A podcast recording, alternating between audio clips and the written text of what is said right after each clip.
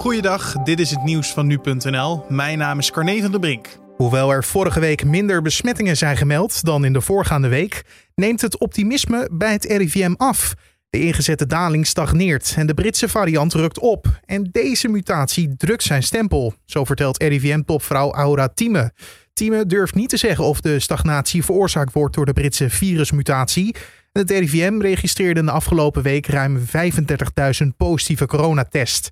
Dat zijn er 8% minder dan in de voorgaande zeven dagen. Het RIVM verwacht dat de komende tijd steeds meer inwoners besmet raken met de Britse coronavariant. De eerste thuiswonende 90-plussers in Nederland zijn vanochtend ingeënt tegen COVID-19. De GGD's maken hiermee een begin aan de vaccinatie van de thuiswonende ouderen. Nederland telt circa 90.000 thuiswonenden. Ongeveer de helft van hen is in staat om eventueel onder begeleiding naar een van de centrale priklocaties te komen. Ze ontvangen via hun huisarts een uitnodiging voor de vaccinatie.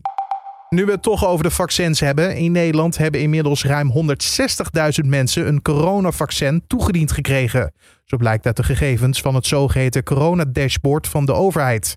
In werkelijkheid ligt het aantal gezette prikken hoger. Het kan namelijk een paar dagen duren voordat een vaccinatie gemeld wordt. Het gaat dan om de eerste dosis, want voor de vaccins van Moderna en Pfizer geldt dat er twee prikken nodig zijn om beschermd te zijn tegen COVID-19. Nederland begon als laatste land binnen de Europese Unie met het vaccineren.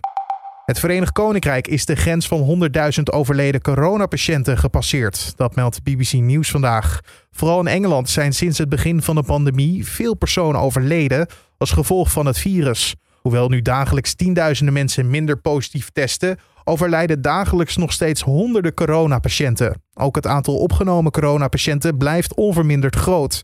Er liggen nu zo'n 37.000 patiënten met COVID-19 daar in de ziekenhuizen. En tot zover de nieuwsupdate van nu.nl.